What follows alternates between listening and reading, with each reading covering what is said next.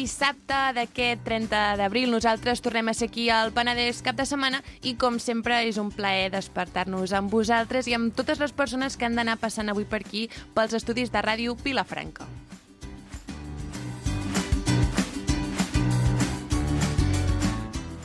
Què rius? Vull dir una cosa, ara, Què rius? Què vols dir? Abans de que, de que acabem aquest mes, últim dia de mes, Sí, i he de literalment. dir que portem molts dies dient una cosa malament i m'ha fet molta ràbia. Um, això que posem després d'aquí, res, d'aquí 30 segons que posarem, que és la musiqueta, que No diem... es diu cinto, vols no dir? es diu cinto, i ho hem dit a 50.000 programes. Sempre diem, Joan, intro cinto, no sé què. Sí, I, com es diu, I si no? vull, pel mes de maig, començar a dir-ho bé. Ah, això és com els propòsits d'any nou, oi? S'acaba una etapa i llavors ara te'n proposes, una, on proposes uns objectius. El Joan diu que es diu separador, però jo dic que es diu capçalera. Que, no sé quin Capçalera. m'agrada menys, la veritat. A mi Així em que- semblava prou bé. No, o sigui, hem de dir no és o capçalera o què més era l'altre separador. Separador, I però separador què no mola separa, tant. Separa, Per separa, això no no és separa el massa. separador, Bueno, és sí, potser sí que separa, però... I capçalera per què? Perquè, Perquè és el així. capçal, com el del llit, no? L'entrada aquella. I amb això, Val, ja callo. dins capçalera.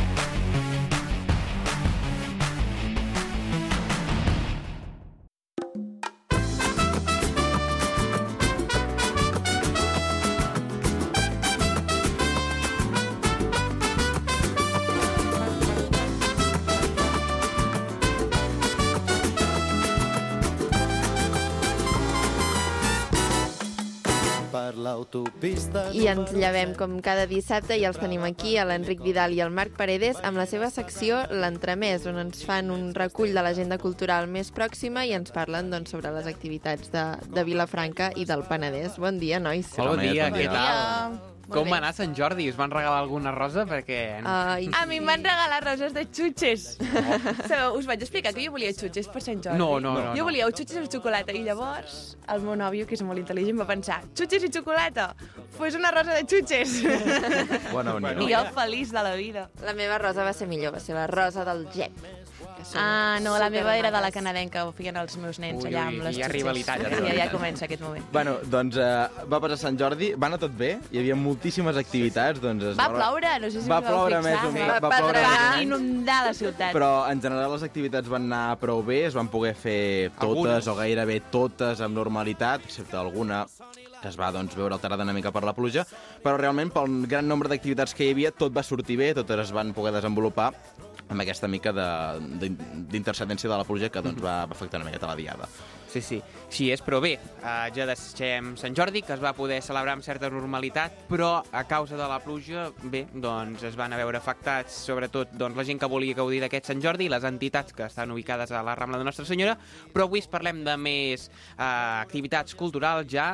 Avui és l'últim dia del mes d'abril i, per tant, doncs, la, vaja, demà ja comencem el mes de maig i avui, per finalitzar aquest mes d'abril, doncs, us portem el Dia de la Dansa i també el Diabòlic. Per comentar el Dia de la Dansa, parlarem amb la Blanca Cosiner, directora de l'Escola de Dansa CAS, ubicada al carrer 2 de maig, i també comentarem eh, vaja, un esdeveniment que organitzen el Vall de Diables de Vilafranca. Concretament, avui serà la 14a edició del Diabòlic, on normalment es conviden colles de fora uh, perquè puguin gaudir també d'aquest espectacle pirotècnic que tindrà lloc avui al vespre a Vilafranca del Penedès, concretament a les 9, Enric.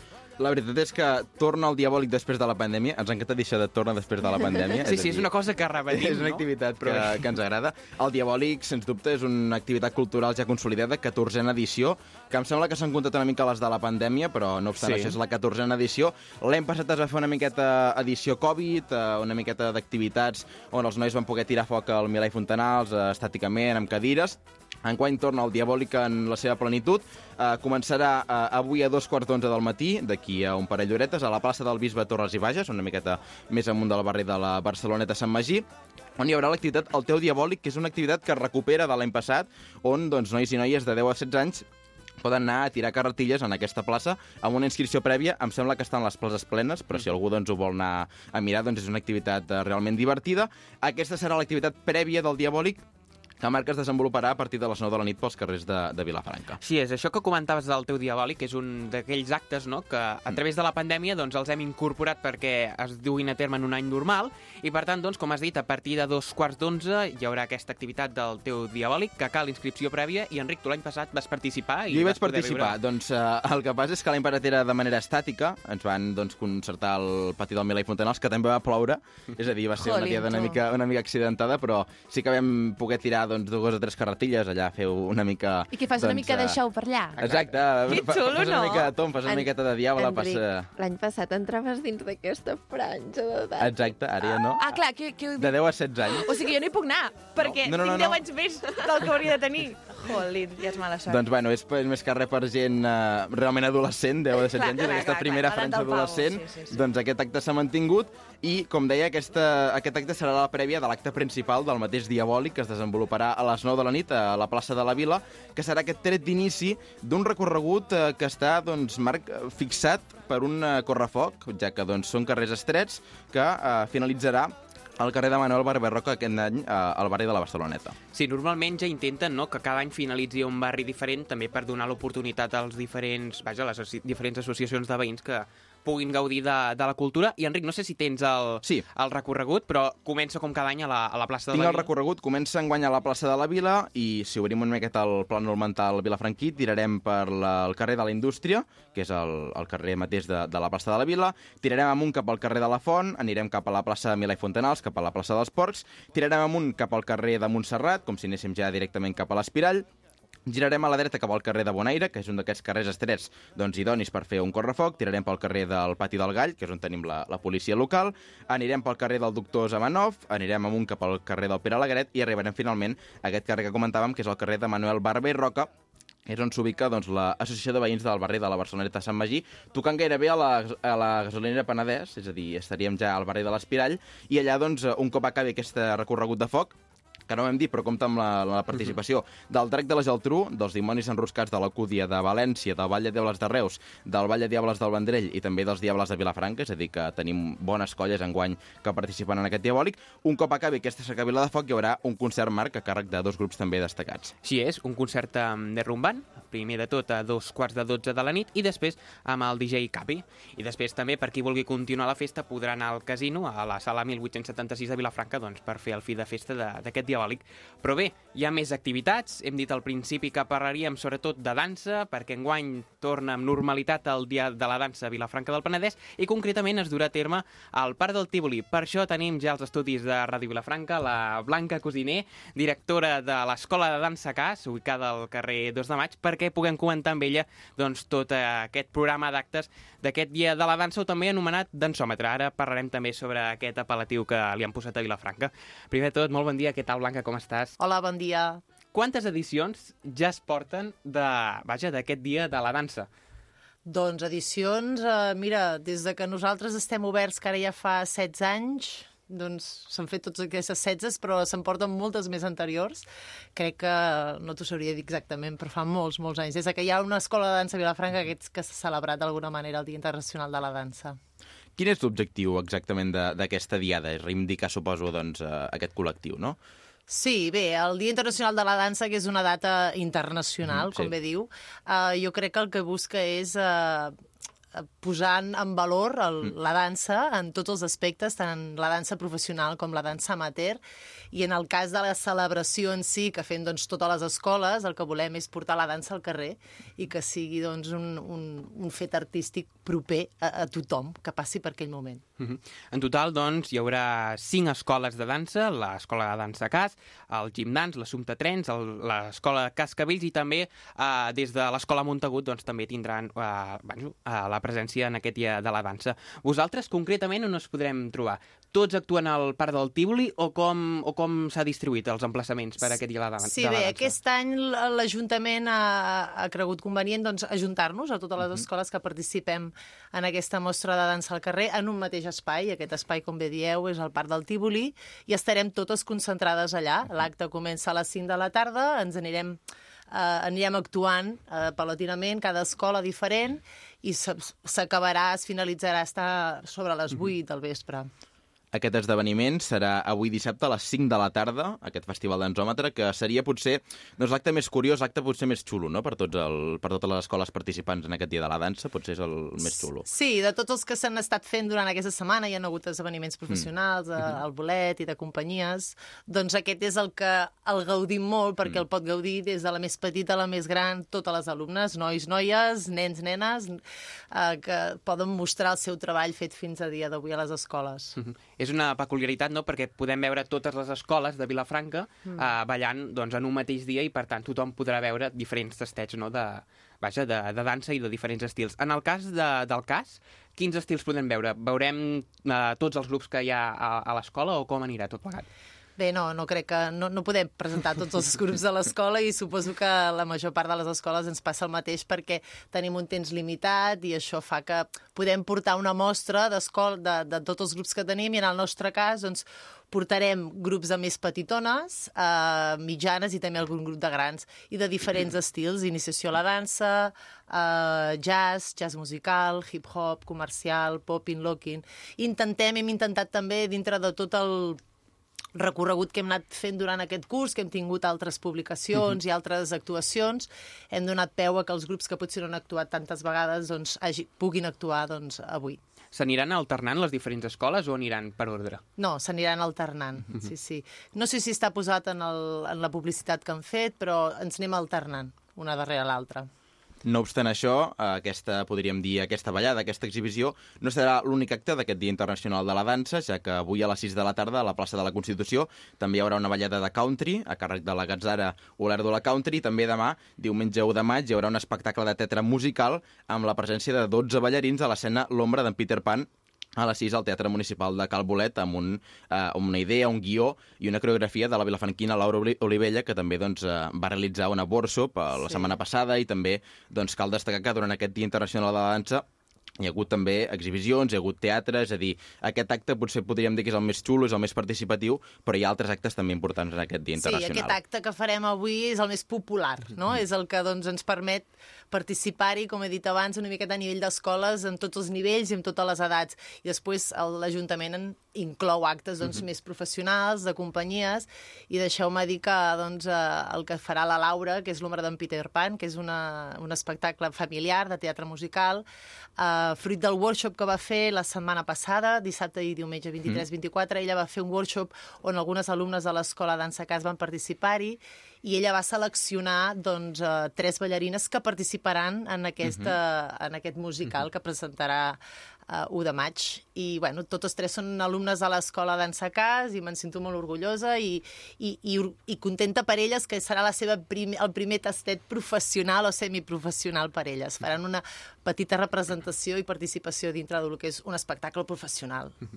Hem vist que la pàgina web de l'Ajuntament posa 400 persones, és a dir, 400 alumnes no, de diferents escoles participaran en aquest dia de la dansa. Per tant, són moltes no, les persones que, vaja, que els agrada no, ballar i que opten la dansa no, com, a, com a esport.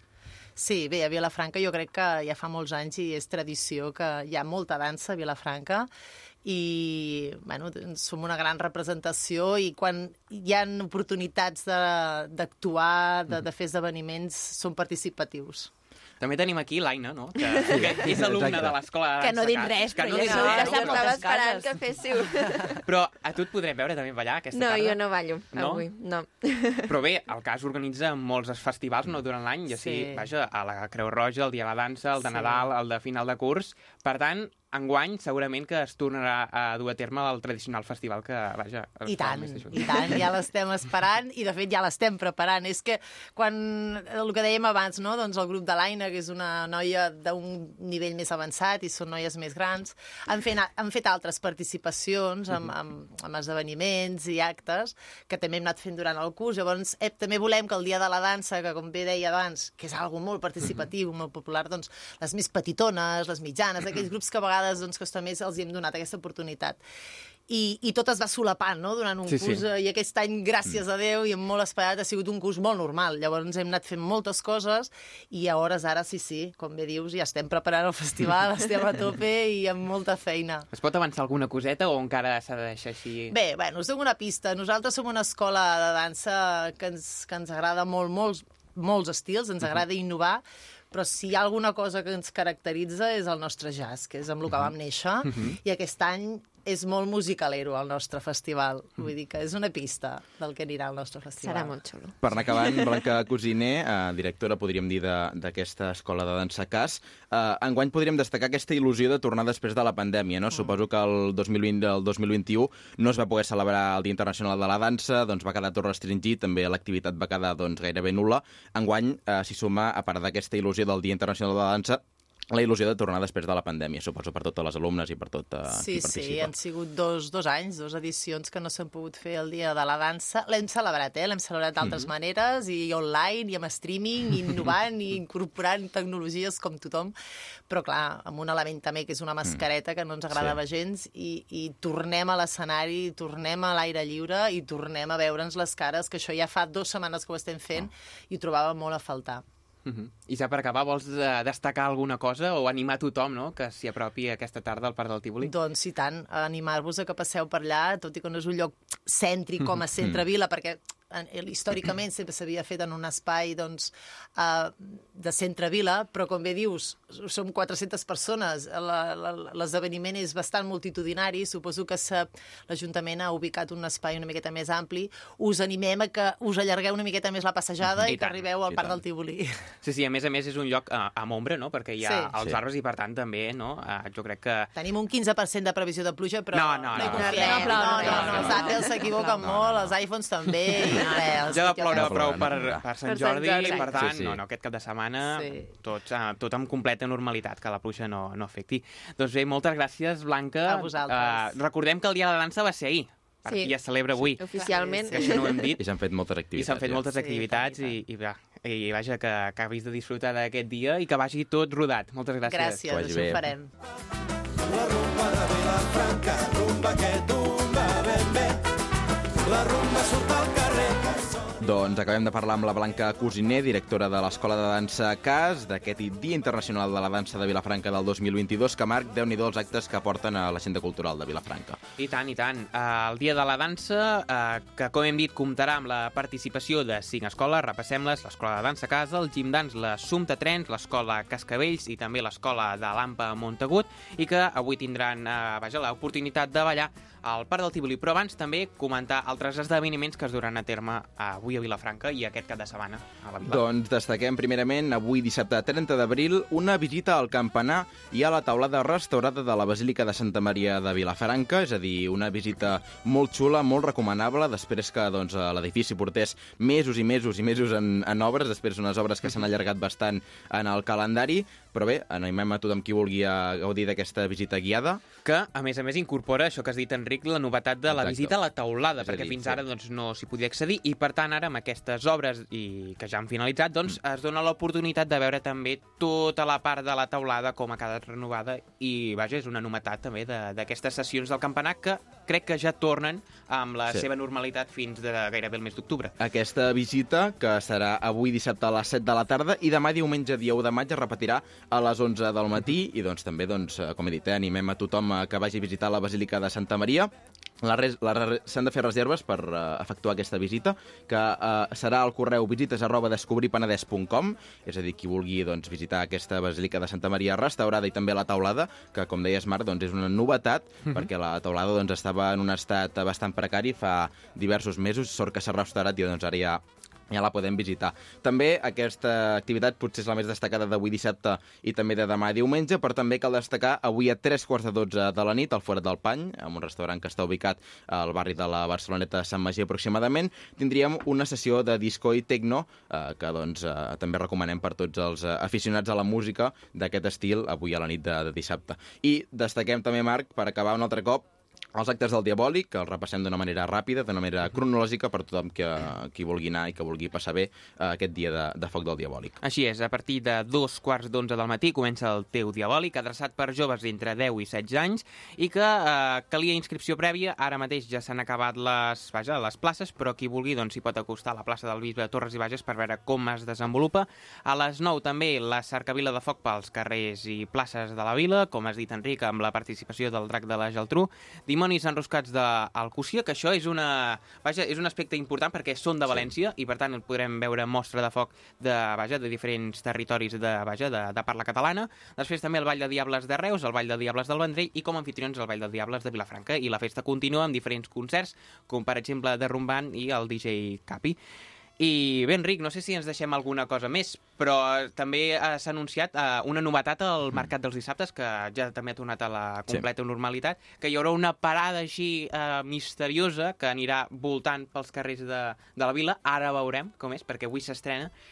I és com una mena de parada ambulant amb bicicleta. Ja veurem, ja veurem com és, eh? No sé si recordeu el, el Geminit del Nadal. Sí, m'estava recordant. El Geminit, eh, aquell personatge itinerant que tomava per Vilafranca recollint cartes. Que, que té una veu molt divertida. Que... El Gemini! Sí, sí. Aquest. Ah, sí? Anava tombant per la vila recollint Aneu. cartes, doncs eh, aquesta parada... Nens i nenos. Aquesta parada del mercat serà, doncs, de, és de la mateixa empresa que és Tandem Produccions, que doncs, és una empresa de creació imaginària, que és molt xula, sí. i doncs serà del mateix estil, és a dir, que ens podem imaginar també una cosa així al, al mercat dels A dissabtes. mi Ai, m'estava ai. recordant a El Afilador, sabeu? També. Que Ai, sí, seria com, un, seria com una, així. una paradeta Ai, així que ambulant. divertit. Ara anirem a Ara anirem a veure què és això. Ara anirem amb el Aviam, aviam. sortim una miqueta.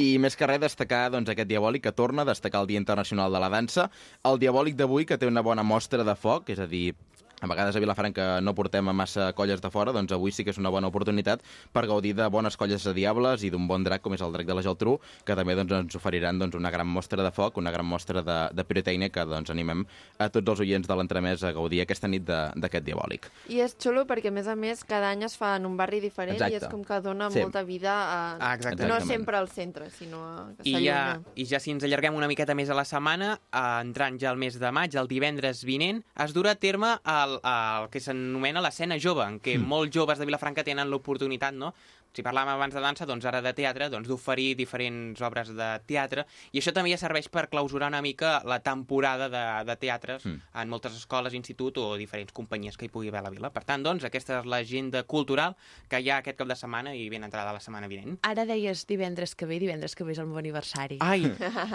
Ja us ho tornaré El a dia recordar perquè em feliciteu. Sí. I a més a més és Santa Judit. Santa Judit. I diràs, els teus pares m'han fet expressament no, jo ja em deia Judit de feia dies i justament vaig voler sortir aquell dia. Bueno, dit això, Molt bé. nois, jo Doncs sempre... felicitats per avançades. Gràcies. Jo Per sempre penso anys. que si no fos per vosaltres no m'enteraria de la meitat d'actes i, d'activitats i Sí, d'esdeveniments eh? i de coses que es fan a Vilafranca, perquè de veritat que no us sembla, però veniu vosaltres i porteu tantes coses que sembla que us hagin inventat i tot. Jo crec que és veritat. Nois, moltes gràcies. Ens veiem la setmana que ve i em felicitareu pel meu A aniversari. vosaltres. Que vagi bé, Moltes bon dia. gràcies. rumba de Vilafranca, rumba que tumba ben bé.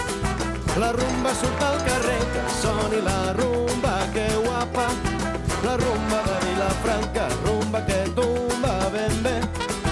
La rumba surt al carrer.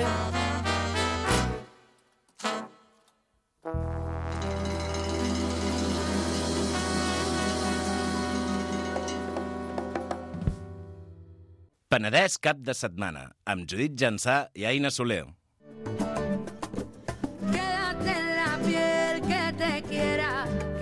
En la manera de vivirte sin corsé. Vamos a romper todo lo sé, que más que este cuerpo mi frontera, cantando él no pasará. I si sou fans d'aquestes noies, ja sabeu que aquesta cançó vol dir que ja tenim aquí a la Maria i a la Cloro per desmuntar-nos molts masclismes. Hola, bon dia, hola. noies. Hola. Bon dia. Com esteu? Molt bé, de ressaca emocional de Sant Jordi Exacte. i molt contentes d'estar aquí un altre cop. Sí. Amb el 2.0, eh, que ens vau Mhm. anunciar la setmana passada amb molt de hype. Sí, sí, sí, sí, doncs aquí seguim. Us vam deixar l'última pinzellada la setmana passada amb aquest llibre que us portem, que us portem avui. Amb uns deures ens vau deixar. Amb uns deures, Això és veritat. s'ha de parlar o representa que ja cadascú ha buscat a casa seva què vol dir el 26A? Mm, hem decidit que pas per pas. Vale. Um, Primer una cosa exacte. i escoltem després l'altra. que és que presentem el llibre, bueno, presentem, ja us el vam dir, però el de I visqueren felices, relats de lesbianes raretes i desviades, llavors us llegirem un fragment, bueno, és una historieta, que és un conte basat d'historietes, i després comentem... Després eh, revelarem què vol dir Exacte. 26 d'abril. 26, i comentem una mica també el Sant Jordi com ha anat i cosetes que hi ha pel mig que no vam dir la setmana passada i era important. Vale? Vinga, som-hi. Doncs sense dir res més, eh, comencem, sí? Vale. Endavant, endavant. El fragment es diu La veritat sobre la llegenda del 23 d'abril, escrit per Laura Maribol. Vale? Diu, perquè sovint les coses no són el que semblen. La llegenda de Sant Jordi no ha de parlar necessàriament d'una princesa indefensa, un cavaller valent i un drac dolent. Totes sabem que la història l'escriuen els guanyadors, els masculins. Així doncs, en Galdric no era ni de bon tros un rei bondadós. Els seus súbdits no eren feliços i, conscients de la situació en què vivien, s'haurien resistit activament a morir per ordre d'algú amb sang blava.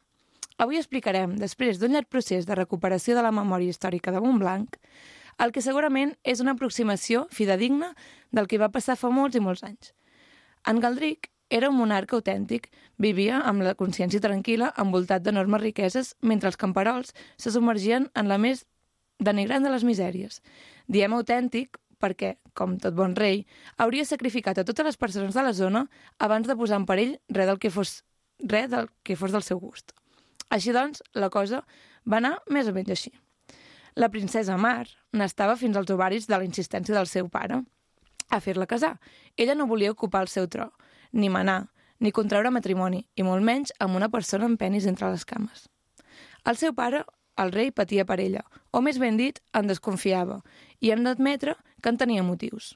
Sospitava que qualsevol matí en llevar-se descobriria que la seva filla havia fugit ben lluny.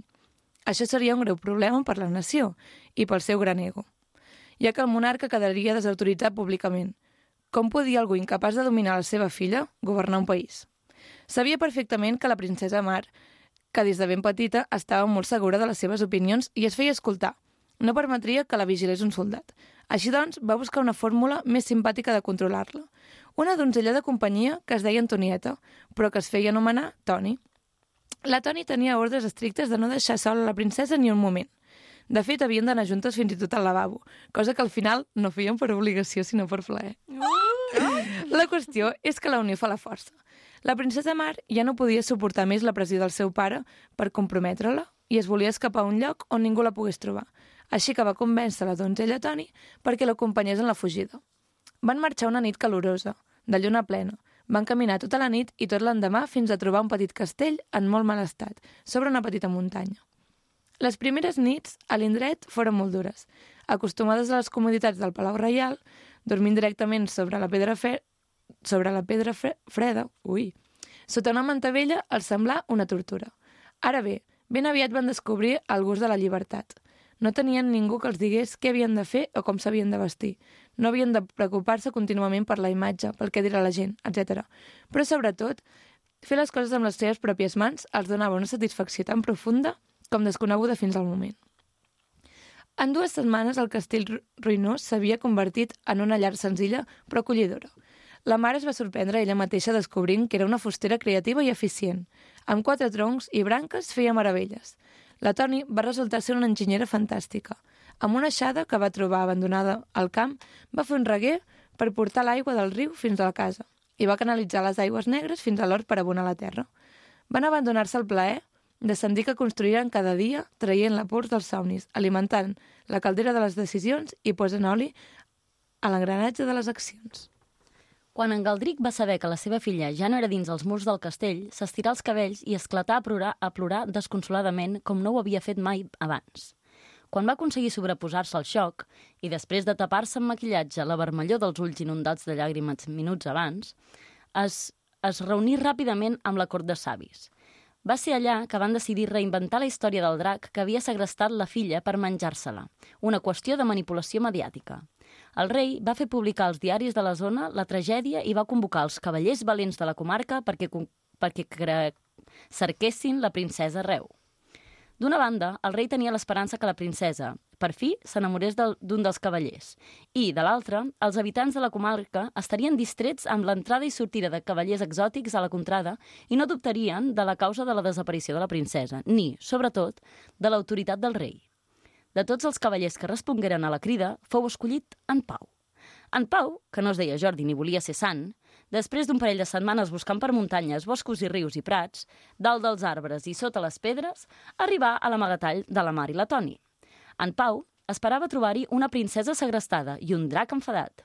En lloc d'això, va veure dues noies besant-se fogosament. Bocabadat i amb els ulls com taronges, se les va quedar mirant, plantat com un estaquirot. Quan per fi havia recuperat la saliva, es va preguntar si hi va fer l'anunci següent. Mar, per ordre del teu pare, el rei que ha vingut, el rei, he vingut a cercar-te per dur-te al Palau Reial. I a continuació va explicar-los la situació del regne. La Mar, que no tenia cap mena d'intenció de tornar, en saber la pantomima que el seu pare havia muntat, esclatà a riure. De fet, acabaren les tres pixant-se de riure. Les noies convidaren en Pau a passar un parell de dies amb elles, atès tot, tot l'esforç que havia invertit en trobar-les. Aquells dies van ser molt agradables, per cert, i van passar llargues estones explicant-se la vida. Entrant en confiança, en Pau va confessar que en néixer li havien posat Paulina de nom. Havia nascut amb uns genitals difícils de classificar, ni ben bé masculins ni ben bé femenins, i els seus pares, que eren uns marquesos importants, van fer venir metges de les contrades veïnes per esclarir el diagnòstic. Cadascun arribava a una conclusió diferent.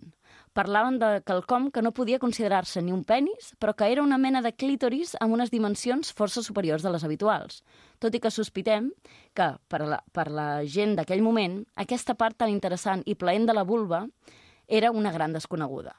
De manera que la marquesa, que sempre havia desitjat una filla, va decidir que seria una nena.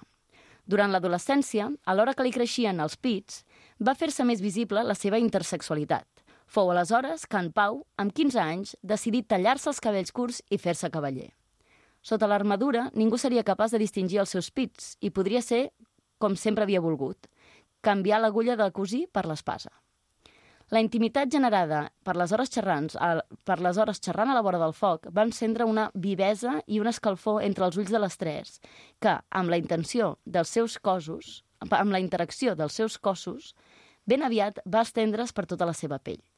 Aquella nit van compartir llit i els seus gemecs de plaer arribaren fins al castell d'en Galdric. La població, esporuguida, va pensar que eren els crits del drac. En Pau tornà al castell i explicar tot el que sabia de la princesa, tal com la Mar li havia demanat. Ella ja no volia amagar-se més, ni alimentar els desverís del seu pare. En Galdric gairebé es mor d'una angina de pit. La seva filla, lesbiana, per evitar que se sabés, va fer desaparèixer en Pau. No se'l va tornar a veure. I us deveu preguntar, i la Rosa, què hi pinta aquí? Doncs bé, pels voltants del castell, la Mar i la Toni, hi havia... El, el, pels voltants del castell de la Mar i la Toni, hi havia unes flors blanques que, eren, que adornaven amb la seva regla. Ja sabeu que la nostra sang menstrual té unes meravelloses propietats per a les plantes, fins que es va tornar de primer del color rosa i al cap de poc temps de color vermell. És per això que les roses del 23 d'abril són roses vermelles i no de cap altre color. Hem de confessar que ni tan sols sabem si el desenllaç fou exactament així, ja que la destrucció de proves d'en Galdric va ser tan exhaustiva i sofisticada que encara queden molts buits per omplir. Tot i que res d'això li va servir per fer que la Mar tornés per casar-se com ell volia. A part, hi ha un ampli debat en els cercles feministes sobre la necessitat o no de reivindicar el 23 d'abril com el dia de l'alliberament lèsbic. Molt bé! Ai, quina meravella Molt guai! de, de història de Sant Jordi. Mira que hi ha històries de Sant Jordi com desvirtuades i Sant Jordina, no sé què, és com deixeu de fer el cutre i comencem a fer això. Clar, i, no, i fotem-li una mica de xitxa i sense por de dir, pues mira, eren dues lesbianes i, no, i en Pau era trans o intersexual, no, i va decidir pues, posar-se l'armadura, tallar-se els cabells i, i ridiculitzar el rei, és el que més m'ha agradat. Li diuen moltes coses. molt, molt meravellós. A mi Sí, m'ha sí, sí, sapigut sí. greu eh, que el Pau desaparegués. Molt, Total, molt. no, és un final... part, hi havia un trio amorós aquí molt Preciós, un I els poliamor. amics que es pensaven que era el drac, a mi, bueno, un riure que m'ha fet això. Molt bé. Hem de dir que sí que hi ha una frase que no ens, Sí. no ens xirria una mica, no?, que diu Exacte. que la Mar no voldria estar mai amb una persona... Que, no es voldria casar mai, i menys amb una persona que tingués penis entre les cames. Exacte. En aquesta part potser és una mica transfòbic, bueno, és transfòbic, però Mm. sí que crec que al final ho acaba no arreglant dient que, bueno, que com que era una persona intersexual, com que aquí ja introdueixen el fet de que Sí. els genitals no determinen la teva identitat de gènere, no? Mhm. I que després tu decideixes, o bueno, tu et sents d'una manera i, i que no té per què estar relacionada amb quina forma o quin centímetres fa el teu mm, òrgan sexual. Però preciós, m'ha encantat. Sí, eh? Sí, sí. Llavors, acaba dient el 23 d'abril com el dia de, de la visibilitat lèsbica, no? Però entenem que ara, a dia d'avui, eh, ja s'ha estipulat que és el 26 d'abril. Exacte, sí. No sé en quin context ho van escriure, vull dir, no sé ben bé. A, Ja. Aquest final m'ha desquadrat una mica, no? Però, bueno, que com a lligam em sembla molt correcte. Molt preciós. I tenint en compte que és el 23 o 26, vull dir, tot queda aquí. I això, doncs què és el 26 d'abril? Ja... Oh, has fet un spoiler. Ui, ho he dit tal qual. Clar, és que jo pensava que ja ho estàveu introduint. Perdó. Ah, bueno, doncs som-hi. no, Bueno, és que sóc està molt està dolenta No per res, mantenir és el dia de la visi visibilitat lèsbica. Bravo! Ole! Bolleres! I per què necessitem el dia de la visibilitat lèsbica? Però si ja s'ha aconseguit la igualtat de tot i les feministes sois unes pesades perquè ja tot és molt difícil ser un home avui en dia, no? Clar, la Judit deia, hi ha dia de la visibilitat hetero, mm, cal visibilitzar... I hi ha el dia de l'home. Per què no hi ha dia de l'home si hi ha dia de la dona? Clar. Eh, jo entenc que si inclús tenim el Dia Internacional de la Croqueta, eh, doncs entenc que pot haver-hi dies internacionals d'absolutament tot, no? Però cal que hi hagi un Dia Internacional de precisament els factors opressors de, de la societat, no? És com, hi ha el dia de la visi- visibilitat eh, de les dones i homes blancs, no cal. Tenim tots els privilegis respecte a tots els altres tipus de... Són cada dia, llavors, Exacte, ja, de, de colors de pell, no? Llavors, mm -hmm. qui té eh, tots els privilegis no necessita, a més a més, un dia de visibilització. Ja lo tenéis todo, no hace falta más, no? No, no hi ha el dia del capitalisme, vols dir? Exacte, no, no, no, no cal. Eh, I doncs, Chupito. Xupito, cada cop que... No, però cada cop que ho digui la Clara. Ah, mira. a poc a poc, jo la semillita la vull plantant i Ah, cada sí. cop ho anireu dient més. eh, llavors, és molt necessari aquest dia perquè encara hi ha violència contra les dones lesbianes i contra les persones lesbianes en general. eh, L'Institut, eh, perdó, l'Observatori contra l'Homofòbia encara recull eh, agressions físiques al carrer de Barcelona mateix i al carrer de qualsevol indret de- d'Espanya i de Catalunya. Eh, les dones lesbianes encara són observades com pues que és una fase, que se te passarà, que solo són amigues, que viuen juntes però són companyes de pis... Eh, bueno, llavors eh, encara necessitem aquests dies per reivindicar que les lesbianes tenen el mateix dret i el mateix, eh, la mateixa mm, dignitat per viure vides lliures i dignes com qualsevol altra eh, orientació eh, sexual, no? Clar, i és com molt greu que es doni per entès que això ja està assolit pel fet de, mm, de rebre tolerància. No? Ah, exacte. No, jo ho tolero, bueno, ho tolero, ho respecto, o puc... No passa res si la meva filla fa això, però... Clar, la cosa és que hi segueix havent violència fins que aquesta violència no s'erradiqui. Mm, Sí. I a més, només s'accepta que hi hagi lesbianes des, del, des de la visió eh, patriarcal i pel consum eh, com de, dels homes, no? És a dir, el, la pornografia més mm, consultada a dia d'avui és a part de la misogínia més extrema de fer mal a les dones, no? O sigui, vídeos de, mm -hmm. de mm, violant i com els més morbosos. També es busca molt eh, pornografia lèsbica perquè és consumida per, per als homes, no? I el, a ells els agrada veure doncs, eh, dones donant-se plaer o dones mm, no, practicant relacions sexuals, però sempre des de, la, des de les seves mm, mirada. Perquè n'han d'aprendre. Ojalà n'aprenguessin! Aquí és que, estem, vamos. per donar molta informació.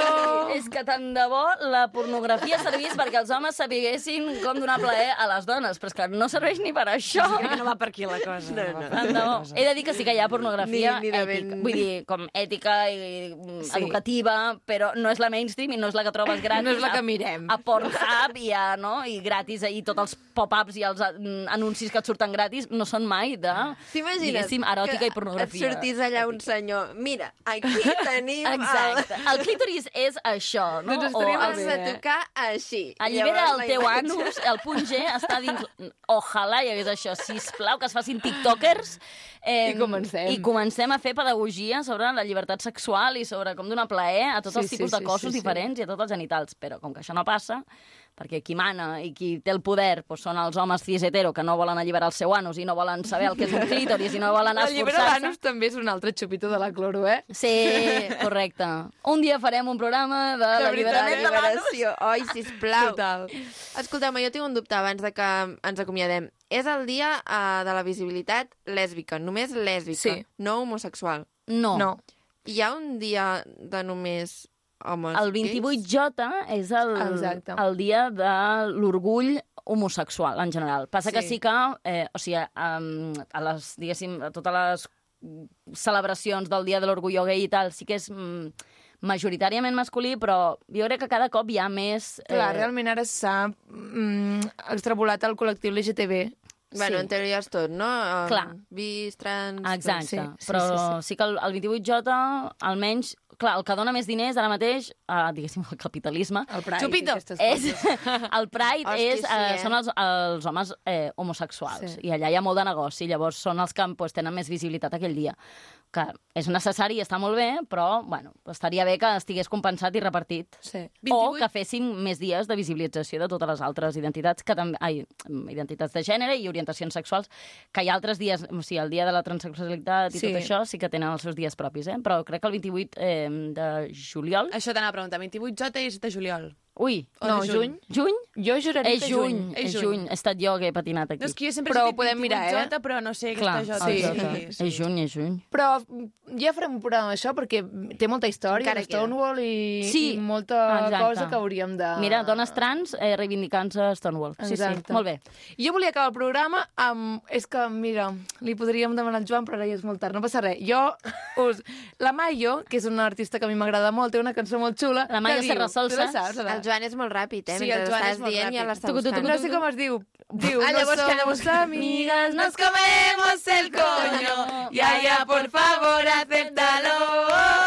I Ole! això, no sé com es diu, ja la Sí, portarem un altre Joan, dia. si poses... Jo crec que es diu No somos nos, amigas, Nos eh? comemos el coño, Ah, segur nos que et comemos- surt. A Mayo. YouTube, ràpidament. I Júlia. Sí, les germanes Serrasolses, que són el més preciós Com que es hi ha. en diuen de cognom, es diu? Serra Solses. A mi em va Serra costar, Solsa. em va costar aprendre a pronunciar. És que em recorda a mi a la Emma de Plats Bruts. Emma... Um, Té un cognom, la Emma de Plats Bruts. Claramunt, Cla... bla, no, uh, sé, de, Palau Sabulla i em, Ballovac i, i González, o alguna cosa així. Vale, estava vale. recordant L'Emma també és tot un referent Sí, de aquí parlem de dissidència. l'Emma un altre dia. Un altre dia, un altre dia. I de vinagre també vull parlar. Vinga, jo m'ho vaig apuntant tot això. Vale. Vale, doncs Vale. Quedem, quedem així. Molt bé. Teniu alguna cosa més a dir o podem anar marxant? ja, ja, aquí ens quedaríem tota la vida, eh? Però res, que visca les boieres Va. i que qualsevol agressió contra qualsevol tipus d'identitat dissident mm, mori, Assenyaleu-la el, i fem coses. mori el Borbó. I ja està. Així com el rei, eh, de la història. Vinga. Molt bé, noies, doncs moltes gràcies eh, per tot el que ens porteu i amb tot el que aprenem amb vosaltres. Ens veiem la setmana ve- que ve amb més i millor. Vinga, Home, som-hi. millor no sé, més segur. Gràcies. Adéu. Ai, mira com tu. Somos amigas, nos comemos el coño. Ya, ya, por favor, acéptalo.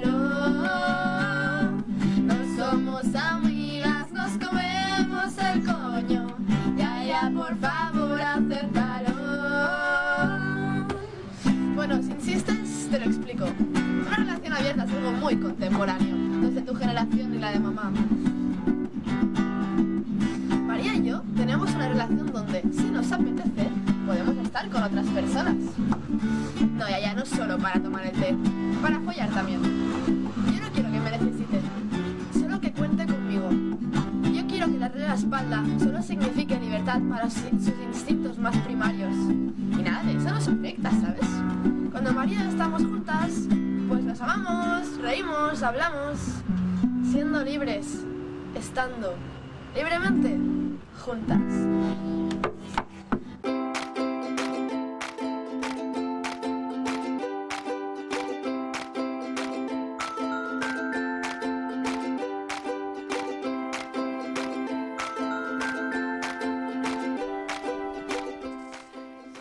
Comencem ara mateix, ja estem començant a la carta, és la secció de la Bel Cruces, on la Bel ve aquí a explicar-nos i a recomanar-nos només de coses xules, coses tan xules com són pel·lícules, sèries, cançons i altres coses que van sortint per aquí, que sempre acabem recomanant moltes coses. Bon dia, Bel! Bon dia, les teves introduccions són espectaculars, Judit. Ara mateix ens ho recomanarà. Ara mateix ja, estem, com- ja ens està recomanant... Mira, ja, ja ha acabat, ja quasi acabat. No? Ja estic. mira, ha fet un gerundi molt llarg, m'ha sortit així. bueno, a Bel, què, què fem avui? doncs mira, comencem per la pel·lícula. Molt bé. Com sempre, oi? Com sempre, Sí, com sempre. A que mi m'agrada aquest ordre. Gent de costums, aquí. Clar, Sempre. tradicionals. Mira, la setmana passada que deies les traduccions de la pel·lícula, Sí. doncs mira, ara et presentaré un, una bona traducció. Vinga, vinga, m'encanten aquestes coses. doncs mira, us recomanaré la pel·lícula que es diu Nightmare Alley. M- Mal sueño, no? La pesadilla de Ali. Pesadilla, no mal sueño, clar. El callejón de las almas perdidas. És que us ho juro, no sé quina secció va ser, crec que va ser el quiosc l'altre dia, que tu segurament, Abel, com que has estudiat això de pel·lis, o sap, bueno, de pel·lis, mm, de coses de tele, ho sabràs. Con faldes i a lo loco, tu saps quina pel·li és? Sí, clar. Tu saps quina és la traducció? O sigui, l'original, saps com es diu? El Berni ens ho va dir l'altre dia. No me'n recordo. És igual, ara ja mentre... fa dues setmanes. Clar, ja fa dues setmanes, ja no ens en recordem. Però ara, mentre tu ens vas explicant això, jo t'ho buscaré i la peli Con faldes i a lo loco eh, té una traducció... O sigui, Espectacular, la traducció... Aquesta és la traducció a l'espanyol. L'original és com... Però no pot ser la mateixa pel·lícula. Doncs pues ara t'ho buscaré. Home, és que mira aquesta. Vull sí, dir... de fet, um, no sé... Bueno, mira. no. Ja, tornem-hi, tornem-hi. Nightmare. Nightmare Alley, El callejón de las almas perdidas. Ja està. Per què? doncs perquè van voler, no serà nosaltres ningú per dir... Mira, Com faldes i a lo loco, una pel·li, atenció, del 1959, en anglès es diu Some Like It Hot. O sigui, tu on veus aquí sh sh skirt, Skirt. faldilles és skirt, Se'ls ha perdut per allà al loco callejón. és Crazy, no- no- no, clar, no- no cannot res, see no. it, cannot No. see it. Aquí. What an English! My friend. Hem de Bueno, fer un podcast en anglès. Mireu, Hòstia, que quan busqueu això us surten aquí unes coses de música al Google, ens, ens posa coses És un de... Montserrat de... Cavaller. Això deu ser... Ah, d'aquell dia... Clar, és que no s'ha Que avui fa actualitzat el 89 Google. anys. Ah, Bueno, clar, avui. Fa uns dies, com Fa a uns fet, però dies. és que encara no s'ha actualitzat el Clar, Google, crec. que, que que la no. ràdio no, no ha arribat al des. Bueno, Bueno, continuem, seguim, sisplau. seguim, seguim, que si no la cosa va millor. quina, quina pel·li és? Vale, doncs mira, és una pel·lícula del Guillermo del Toro. Us sona Ah, aquest sí, director? sí que em sona, Bé, sí, m'agrada sona. que us Em soni. sona. Crec que no he vist cap pel·li, No, però em sona. La forma de l'agua, el 2017. Ah, va sí, ser. que vist, Doncs sí. aquesta va ser la seva última Aquesta pel·lícula. pel·lícula és del 2017. Sí. No m'ho crec. Ho és, ho és. Què ha passat en aquests cinc I ara ha tornat amb, uh, després de 3, 4, 5 anys, Sí, sí. amb aquesta. És una pel·lícula que va estar nominada als Oscars, com a millor actriu, el tema vestuari és espectacular, és molt xulo, bueno, la sinopsi sí, és superràpida, és un trotamons, vale, un d'aquests, un buscavides, el Bradley Cooper és l'actor, i s'alia amb un psiquiatre que juga amb les ments de les persones dins d'un circ, o sigui, ell, ell, ara, Quantes coses. ell acaba per a un circ i ell vol diners. Per tant, què fa? S'alia amb aquella senyora que fa un espectacle, un espectacle d'aquests de oh, Aina, jo sé que tu de petita tenies un no sé què i juga amb la ment de les persones i d'així els treu els diners. Llavors ell va veure que aquesta senyora en sabia molt i ell volia diners, llavors s'alien, s'alien els dos i, i van uh, per, o sigui, per tots els nois i noies i homes i dones d'allà de Nova York, dels anys 40, doncs traient calarons els més rics, fent espectacles, espectacles d'aquests shows de psicologia inversa i aquestes coses. I, És- i, i, i, i, aquest senyor, després 5 anys per pensar que, que s'ha fumat uns porros amb aquests 5 anys. Bueno, el que no acabo de veure jo encara és el nom. Sí, com vas dir De que la pel·li. Bueno, és que, sí, bueno, és Clar, que... perquè no En- en aquesta vist, trama. No l'hem vist, no bueno, l'hem vist. aviam, és, és una... Entra molts factors en, en aquests personatges com l'alcoholisme que té un dels personatges, que ell rep un llibre quan era més jove de màgia negra Ui, i que- aquella persona li diu vigila amb el que fas amb aquest llibre perquè depèn del truc que facis però et pot jugar a la contra. Clar. Llavors és una mica aquesta la trama. Tu l'has vist, eh, aquesta Jo vist, pel·lícula? vist, jo l'he Clar, vist. tu només ens recomanes coses que has vist. Què he vist? Clar, si Algun, no- si algun no, no dia podria poses. recomanar alguna que No, no, ja ens vist. avisaràs si no sí, ho has ja, vist. ja us avisaré. No fer-te una pregunta, saps què et vull dir? no deixar-te malament. És una pel·lícula que la podem veure a Disney Plus, Plus per a aquella Mm. gent més bilingüe. I és, és res, d'aquest del 21 de gener del 2022. Bueno, es va entrar a la plataforma, ara fa ara més o menys un any que es va estrenar. Llavors, us la recomano molt que la veieu perquè té, si us agrada aquesta època així antiga dels anys 40, el vestuari així xulo, Ai, aquells sí. típics circs, els típics de la carpa vermella, blanca, així que va la gent allà a disfrutar. a mi el doncs, vestuari aquest que dius m'agrada, però a mi les pel·lis que surten circs, circs cada cop m'agraden menys perquè m'acaba fent com por. Sempre passen coses lletges als Ja, circs. sí, és que hi ha aquesta tendència a Jo posar el circ començo a com a associar-ho. cosa... L'última que he vist és de Greatest Show, es diu... No ho El, sé. el Gran Showman. Ah, sí. No sé. Aquesta està bé. És Aquesta Sempre està espectacular, passen o sigui, és un coses. circ Mira el Dumbo. Mira, sempre passen El coses. Dumbo, quin fart de plorar. No la És que aquesta és- veure jo, és eh, aquesta plora- és de plorera, Crec eh? que no l'he acabat mai perquè plorava. No l'has acabat mai. És No. que a més posen aquella cançó tan trista. No, no, i el Dumbo, un trauma amb el Dumbo. No l'he pogut veure mai. No, no. Doncs Disney Plus, per la gent que la vulgui veure. D'acord. Sèrie. Us recomano alguna de Netflix, fàcil de veure. Bueno, fàcil. Curtet de veure, sí, perquè tingui Netflix, i uh, per aquella gent que vulgui oh, aquestes setmanes estic molt així, passant una mica d'intriga, de por, de cosetes Mm, així xules. I per aquella gent que no tingui companys de pis. És recomanable. Si teniu companys de pis, no us la mireu. Els meus pares compten. Doncs, Són els meus companys de pis. Depèn, depèn de com ho vulguis veure. Hi ha, hi ha dies que sí. Que som... No compartim amb- gaire. Amb la meva mama i l'Èrica també. També t'hi portes bé. La sèrie es diu El peor compañero de piso inimaginable. Oh, El peor compañero de piso és muy malo este compañero de, De fet, piso. Eh? són capítols rotllo Black Mirror, Ah, que pots, que pots mirar-te M'encanta aquí que sigui així. aquestes coses així separats. Són cinc capi sis capítols, el cinquè i el sisè és per 1 i per 2, o sigui, aquests dos sí que van junts. Els altres pots mirar-los com tu vulguis. Us explico molt ràpidament... Uh, bueno, Eh, les- perdona, has dit com es diu?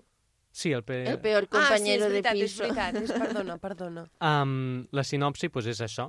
Pues, us expliquen fets reals de mm, coses mm, com assassinats, com desaparicions, misteris i coses que els hi ha passat a aquella persona que ha pogut explicar aquesta sèrie, òbviament, perquè si no, pues, no o sigui, es sempre és la mateixa persona? No, o- o sigui, agafen diferents persones que expliquen la seva Diferents experiència. peores compañeros de sí. piso. De Vale. fet, jo us explico un superràpid, mm, sense acabar-los de dir, però bueno, és un fet real, és d'una senyora que la van condenar a, a cadena perpètua, una senyora, una iaia, de fet, Ai, pobra. Ai. Uh, perquè matava les persones que entraven al seu pis i les enterrava al seu pati. He vist, he vist un anunci d'això. He, he Pues vist pot ser. No. És una iaia, cabell blanc, ulleres, cookie, que de cookie té Ai, molt ai, poc. ai, ai. que, que, a veure si t'ho dic bé, que era una senyora que, que era, acollia gent sin hogar Ah, exacte. i de cop desapareixien Mhm. i es veu que està, no sé si ja ho heu dit això, està, estaven Al pati, enterrats al seu jardí. Sí, sí, però potser estaven va, enterrats. Va, va, va matar com 6 Però o més 7 a- persones, eh? Sí, sí, I dius que és de, de casos reals. De Aquest casos reals. o tots? De fet, és aquesta, la senyora. Sí, jo ho he vist al TikTok, ho he vist al TikTok, això. amb el TikTok, eh? I, i ella tot deia que, que ella no ho sabia, i quan van trobar inclús els cadàvers eh, enterrats al pati, ella deia que ho havien sigut ells mateixos que s'havien autoenterrat i coses així. Aviam, juro. aviam, com a excusa... Bueno, és fluixeta, És és fluixeta, fluixeta, però aquella dona no tenia la coartada ben De pensada. totes les coses que pots dir quan troben cadàvers al teu pati, És que que s'enterraven sols, Bueno. què vols que et digui? Bueno, sona fluix, és, sí, sí, sona fluix, tens raó. De fet, raó. és, és, és, vull dir, és molt fort, perquè jo després estant mirant informació d'aquesta dona i jo amb el documental he passat por. O sigui, aquesta dona estava boja, mentalment tenia molts problemes. Però aquesta dona estava boja quan era gran o a la seva vida No, fins a la mira, joventut estava no, bé? aquesta ja ha tingut antecedents penals d'una família que no tocava molt. Llavors, doncs, ella, va, ella va créixer Ho va heredar, pues, així. clar. sí. Quan et mous en aquest ambient, potser passa que no acabes Llavors, de filar ell, prim. ella convidava a, als, a, no, no tens casa, Exacte. doncs vine, vine, que jo t'acullo, jo et faig el menjar, i, oh, i, i que, que havien de dir els altres Clar, no, gens a casa endavant. endavant, doncs no sortien aquelles Jo, persones. ara que vull fer un, un workaway, ara, ara no, workaway? d'aquí uns mesos, perquè ara no puc, però m'agradaria fer un workaway. Sí, jo també ho he pensat algun cop. Ara això. pensaré, aviam si em mataran i m'enterraran al jardí. És una sèrie que és molt xula, però per a aquells que comparteixin pis, penseu-vos abans, o que vulguin, penseu-vos abans d'anar amb un company de pis. Vull dir, I, I escolta'm, Abel, tu t'has vist tots els episodis? Me'ls he vist tots excepte l'últim, que són dos parts. Vale, i, i tots Ara són històries reals? So, tots són històries són reals. històries reals. eh? És que a mi quan és història real encara m'interessa més No, perquè no, penses són que això és de reals. veritat. De fet, t'ho combinen a vegades amb, amb imatges reals que es van Clar, gravar. a mi m'agradi que, m'agradi, m'agrada que passi això. Bueno, molt bé, doncs me la miraré, eh, aquesta. Mm. I si voleu, podem acabar amb una cançó per, per animar una mica els ànims. Sí, sí, perquè això ha anat després com molt eh, cap avall, ha anat això. Doncs la cançó es diu A poc a poc, que és una nova cançó del nou disc de Doctor Prats. Ai, vinga, doncs l'Aina ja sap quina cançó és. quina és, Vols però explicar no- la no teva puc anècdota? explicar la meva anècdota. D'acord, doncs... No la pot explicar, ens ha d'explicar Bueno, alguna la puc deixar... No, és que no sé si ho puc dir. Bueno, i amb el temps que estàs perdent ja ho podries haver explicat. Jo havia de sortir en aquest. Sí. Ah, però, pues, de fet, el que vull destacar en aquesta cançó és el videoclip, que és El videoclip que no espectacular. surt l'Aina. Fora, fora de càmeres, ai, de, de, Ah, de sí. micròfons, t'explicaré bé la Sí, història d'acord. d'això. Doncs ara ho parlarem. Doncs ho parlarem. Si volem, us deixem amb la cançó. Vinga, som-hi, És així som-hi. animadeta, molt xula. Mireu-vos el videoclip per a aquelles persones que us Eh, interessi. Això que està sonant és el limbo de la setmana passada. Sí, sí que està, però és per, és per recuperar el, per recuperar el Per- fil, per- per segurament. animar els ànims, Clar, que hem dit. Ens, ho hem vist molt avall. Doncs us recomano aquesta cançó, la que sona, no? La a poc a poc, de Doctor Prats, i que tingueu un bon dissabte. Molt bé, moltes gràcies, Abel. Ens veiem la setmana que ve.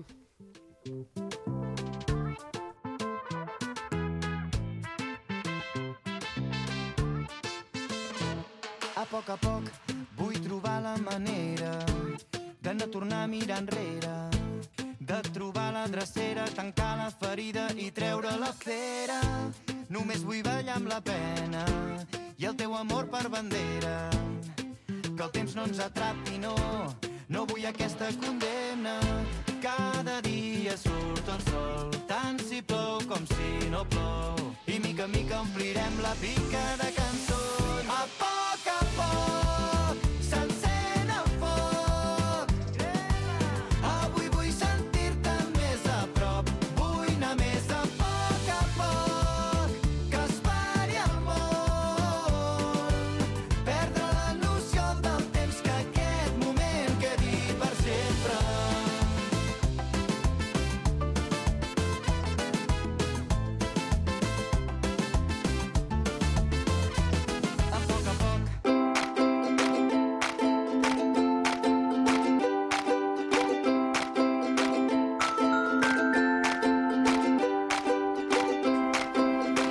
Penedès cap de setmana sempre ho diem, ens agrada molt cuidar-nos i crec que ens cuidem de moltes maneres diferents, però ho fem en una en especial, que és la que més ens agrada, que és quan ve l'Albert Pi a fer-nos la secció de Cuida't, que sempre ens parla de coses molt xules. Bon dia, Albert. Bon dia, Judit. Bon dia, Aina. Moltes gràcies per donar-me a invitar. A tu per venir sempre i, I amb aquesta il·lusió que sempre ens poses.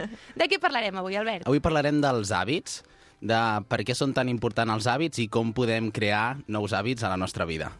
D'acord. A, a mi em, em va estupendament Va, bé. explica-ho, Em va estupendament bé perquè vull fer un hort urbà. I això dels hàbits és important per tenir cura d'un hort. Clar, perquè sempre que hagis de cuidar d'alguna cosa doncs és bo tenir hàbits, no? Exacte. Clar, ja tens raó. Exacte. Un hàbit és una conducta que realitzes de forma automàtica, sense esforç. Llavors, és superimportant perquè a llarg termini, depèn de quins hàbits tu tinguis, tindràs una vida o tindràs una altra. No? Si tu portes 20 anys sense fer esport, probablement quan tinguis 40 tindràs potser obesitat, mala salut, però si en, per contrapart portes 20 anys menjant bé o fent esport, tindràs una vida molt més saludable. No? Per, això, doncs, per això els hàbits són tan importants. Clar. Però entenc que hi ha molts tipus d'hàbits, no? O, o, o no? Exacte? Sí. Sí.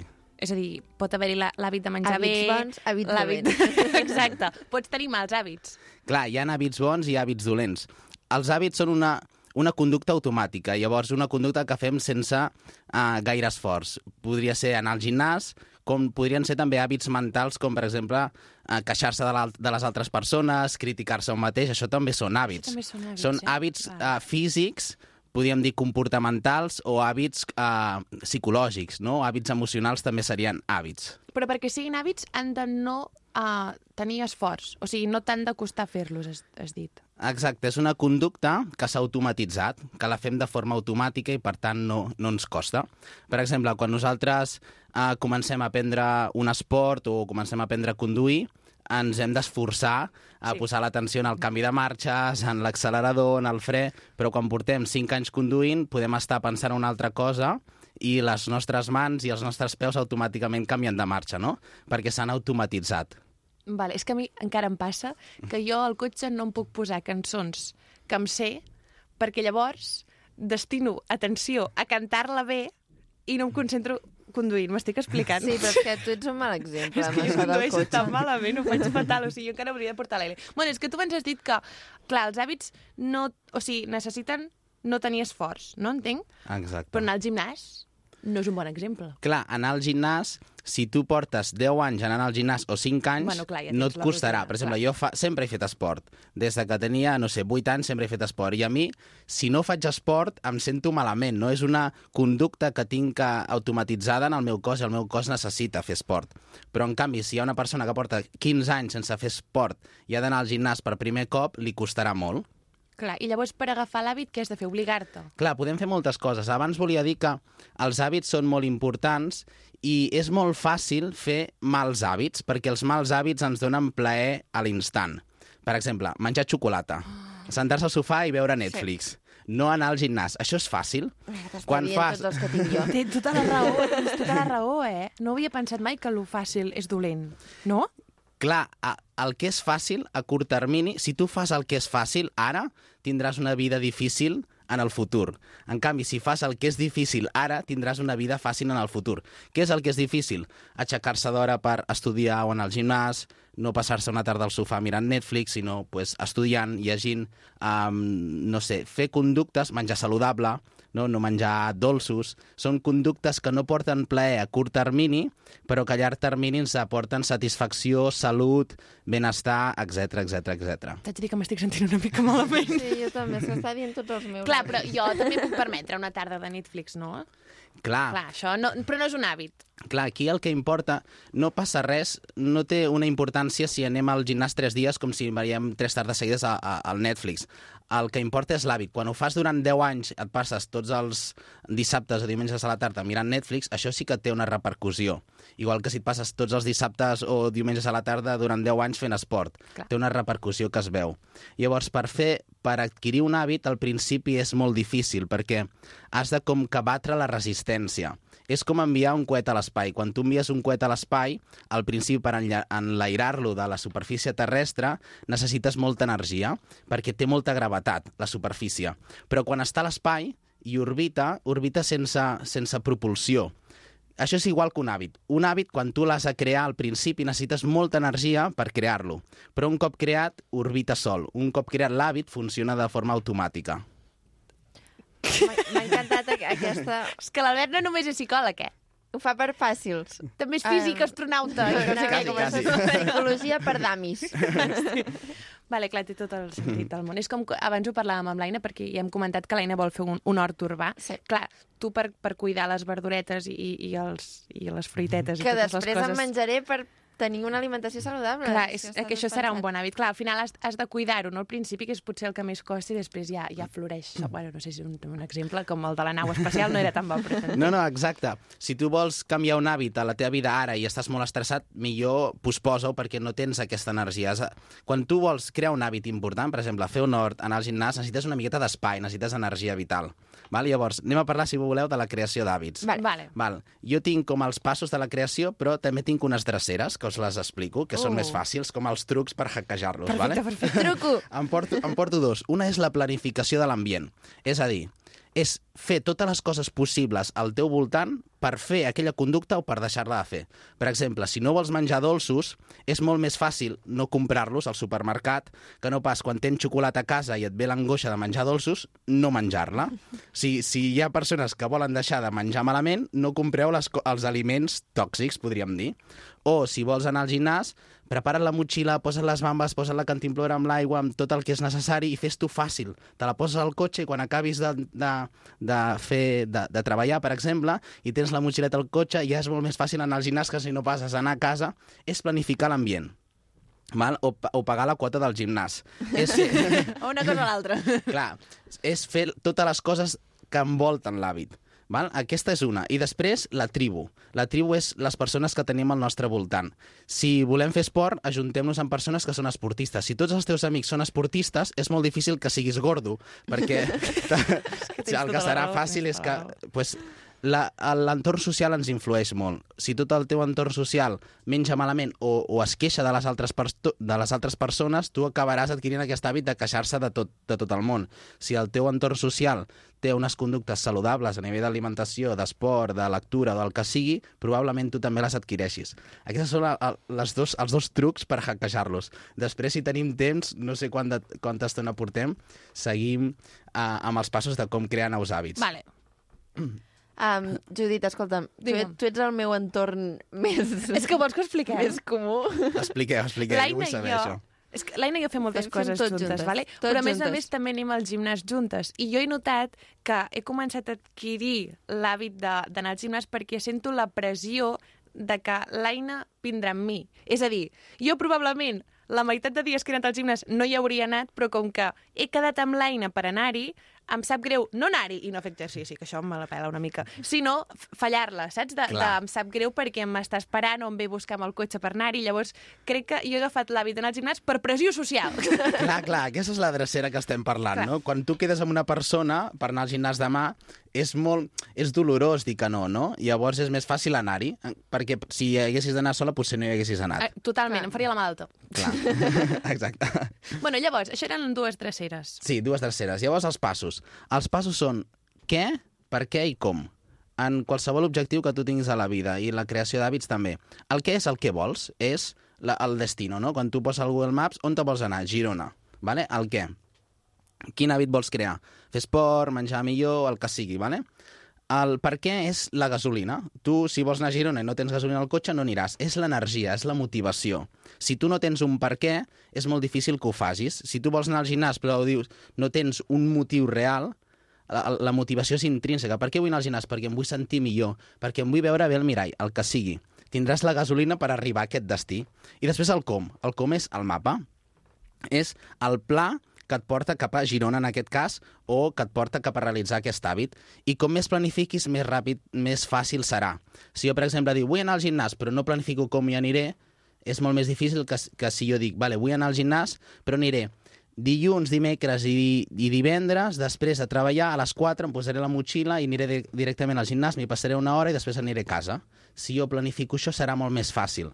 Fer el pas mental és més difícil que fer el pas físic a vegades. Prendre la decisió de dir hi aniré i em comprometo és molt més difícil que després posar-te la motxilla i anar al gimnàs. Llavors és fer aquest pas mental. Val? El què, el per què i el com. Clar, els, els psicòlegs segur que estan tots en forma, pensa-ho. Bueno. Perquè tenen moltes dreceres que nosaltres, la gent corrent, no tenim. O no, eh? Com allò de... Casa, Casa casa de de herrero, cuchillo de palo. Clar, vale, vale, doncs, doncs no, jo entenc, entenc moltes coses ara mateix. I, I sobretot el que has dit abans, eh, que jo no m'havia plantejat mai que les coses fàcils, al final, són dolentes. Són dolentes, exacte. És que té, té, no? O sigui, és una cosa pot, potser molt, molt òbvia ara explicat, però al final és raó, té raó. Quan a tu et fa mandra um, anar a fer una altra cosa i decideixes quedar-te a casa mirant el Netflix, doncs al final ho fas perquè t'és molt més fàcil i molt més còmode. Exacte. Clar, a llarg Exacte. termini ja, ja ho veurem. Bueno, de, molt bé, Albert, ho expliques tan bé que jo et seguiria escoltant 3 hores més. Passa que, Gràcies. que, clar, tenim una secció curteta i ho haurem d'anar deixant aquí. Però si vols, abans de marxar, si ens vols donar alguna altra idea o alguna altra cosa... Sí, tinc una frase que m'encanta. Soc molt fanàtic de les frases. D'aquestes motivadores. De, sí, bueno, és, és el Bruce Lee. És una Vale. frase del Bruce Lee. Diu, ell va, va dir que no tinc temor a la persona que ha llançat 10.000 cops una patada. No, 10.000 cops una patada diferent. Temo a les persones que han llançat 10.000 cops la mateixa patada. 10.000 cops la mateixa patada és que... Té l'hàbit. Té l'hàbit, no? no, clar. I Una 10.000 patada patades perfecta. diferents és una persona que ha fet moltes coses però no ha sap fer res a la vegada, no? És una miqueta, doncs, la força dels hàbits. Clar, clar, clar, i està clar que si, si saps fer moltes patades sempre iguals és perquè tens un hàbit i tens una experiència i aquella patada et farà més mal que una diferent. Evidentment. Molt bé, Albert, doncs moltes gràcies per parlar-nos de patades i per explicar-nos tots, tots aquests hàbits, aquestes dreceres que ja, ja comentarem en una altra secció perquè a mi m'ha agradat Sí, molt res, quatre dies i estem ja tots en forma en i tots amb forma els hàbits aquí perfectes. Ah, estupendo, Molt bé, al Albert, moltes gràcies.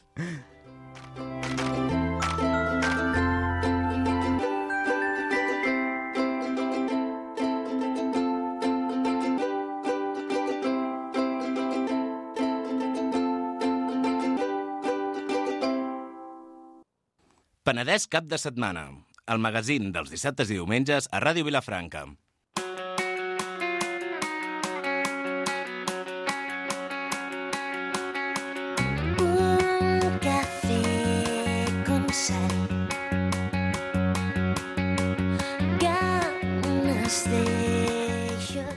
I amb això arribem, com diu l'oreja de Van Gogh, a un cafè con sal. Avui tenim amb nosaltres a Bandau, tenim el Joan Moreno, el Pau Cuscó i la Laura Parra, perquè avui volem fer un, un altre cafè amb sal d'aquests Special Edition. Special Edition. I avui tenim, doncs, a Bandau Edition. Bon dia, nois i noia. Bon dia. Bon dia. Com esteu? Ah. Esteu contents i contentes? Sí, sí, sí. Tu em pots dir el que estaves dient fora de micros, de que estàs molt content de no ser avui l'entrevistador, sinó l'entrevistat. Ai, Clar. jo és que estava pensant en què deia per ficar-me amb vosaltres. Bueno, ja tens temps ja per anar Ja. pensant i, i anar deixant coses aquí.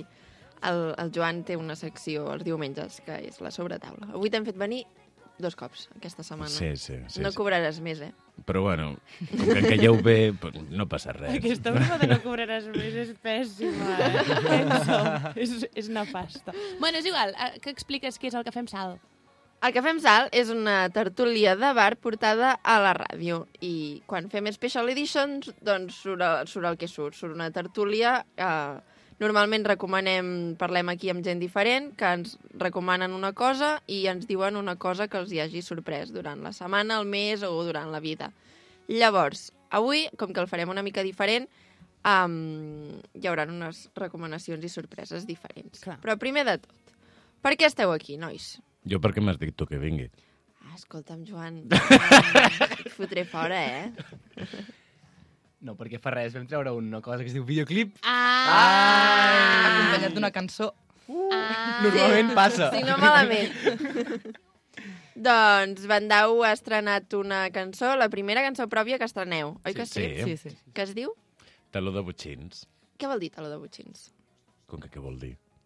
Què vol dir taló de butxins? Escolta'm, a veure, no és uh, a veure. formatge de cabra, taló Ara de butxins. seré un mal convidat, seré un mal convidat. En plan, literalment què vol dir taló de butxins o què és per nosaltres taló de butxins?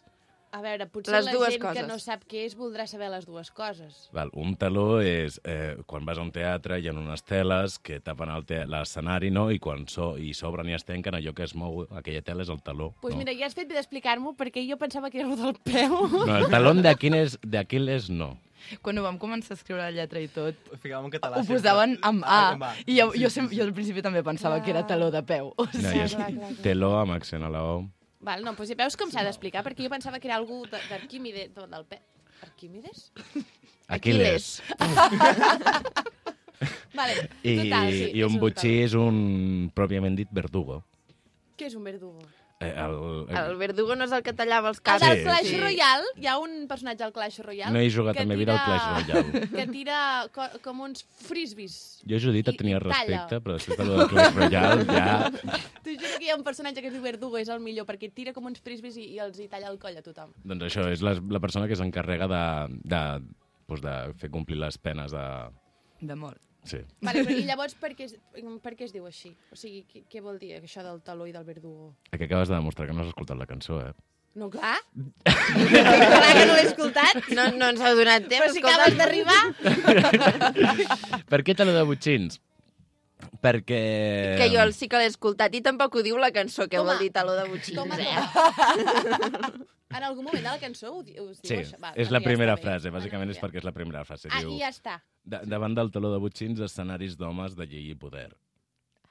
T'ha quedat clar, oi, què vol dir? Perquè, clar... Jo crec que no cal que, que seguim No, per aquí. després cal diu, és que no, no heu escoltat, és no ho heu igual. escoltat. És igual el que vulgui dir la lletra, és igual com es digui la cançó. Anem a parlar d'altres coses, perquè no estic entenent res, estic entenent. És que saps què passa? Que la interpretació sempre és millor lliure, perquè jo no veig el mateix quan miro una sèrie que tu, saps? Vull dir, cadascú la veu, la veu de manera diferent. A mi no em caurà igual el, el, vull dir, m'estic explicant fatal. Sí, sí, a mi sí, un mateix sí, però t'estic personatge no em caurà igual Clar, que però tu jo que a mi. pensava, ja que tu formes part de Bandau, poder m'ho sabràs explicar, encara que jo ho pugui entendre d'una altra No, manera. jo si vols, vull dir, traiem la lletra i fem aquí un, un estudi del que vol dir tot, però, Rima sonante... però que, que cadascú interpreti, que cadascú interpreti el que vulgui. Vale, us fem una cosa, Aina, la pregunta que has fet no La- té resposta. no. Cadascú que escolti la cançó ja, ens, ja, ja que pensi el que vulgui, no? Perquè, clar, veure si ens haurem d'esbatussar. vale, què més?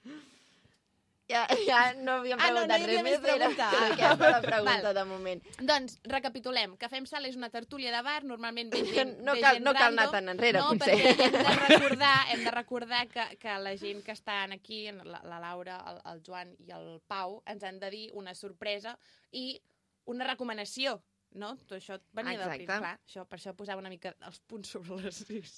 Llavors, què, què fem? Que ens facin recomanacions sobre el seu videoclip o sobre Bandau o sobre què exactament? Aina, tu has pensat bé això? Perquè no ho hem parlat gaire. Aviam, primer de tot, com que estem parlant d'un videoclip i d'una cançó, per situar-nos una mica, què us sembla si escoltem la cançó? Bé, Ens sí, deixeu, sí. ens deixeu posar-la? Sí. Val. Doncs, Joan, quan vulguis.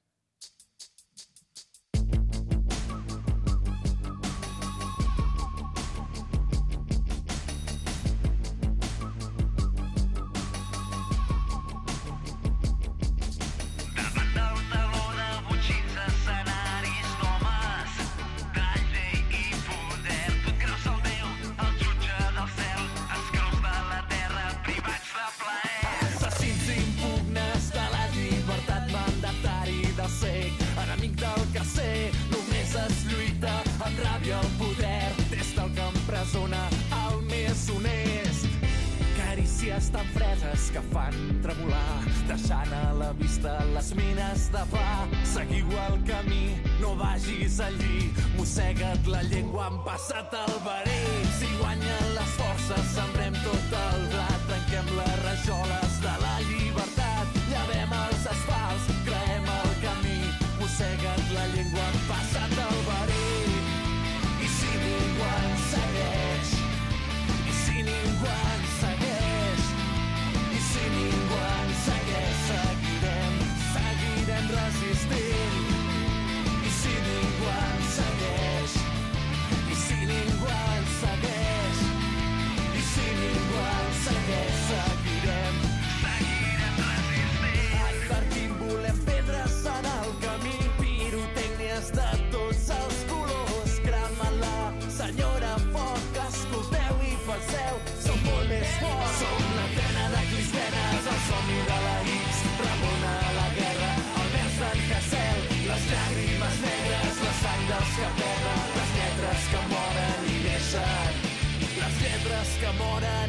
sun